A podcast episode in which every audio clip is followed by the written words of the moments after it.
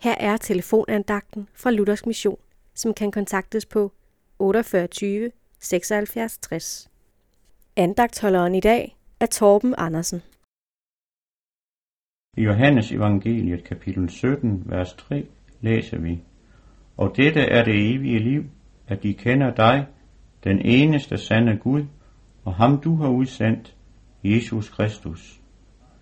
Mange mennesker har den mening, er det evige liv først begynde i evigheden, når tiden slutter, og vi lukker vores øjne for sidste gang. Men det er en stor misforståelse. Jesus siger i det vers, vi lige har læst, at det evige liv begynder her og nu i det liv, vi lever. Ja, det er faktisk en bestemt måde at leve livet på. Hvilken måde? Det evige liv er at kende den eneste sande Gud, siger Jesus. Det er livets dybeste mening.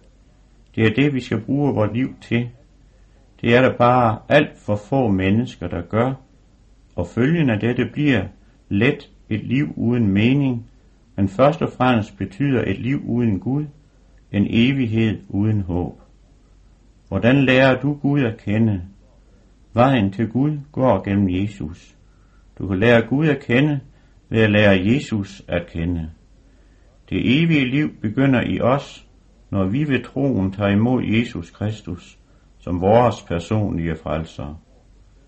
Den, der tror på sønnen, har evigt liv. Den, der er ulydig mod sønnen, skal ikke se livet, læser vi i Johannes evangelie 3:36. Tror du på Jesus, har du nu del i det evige liv. Amen.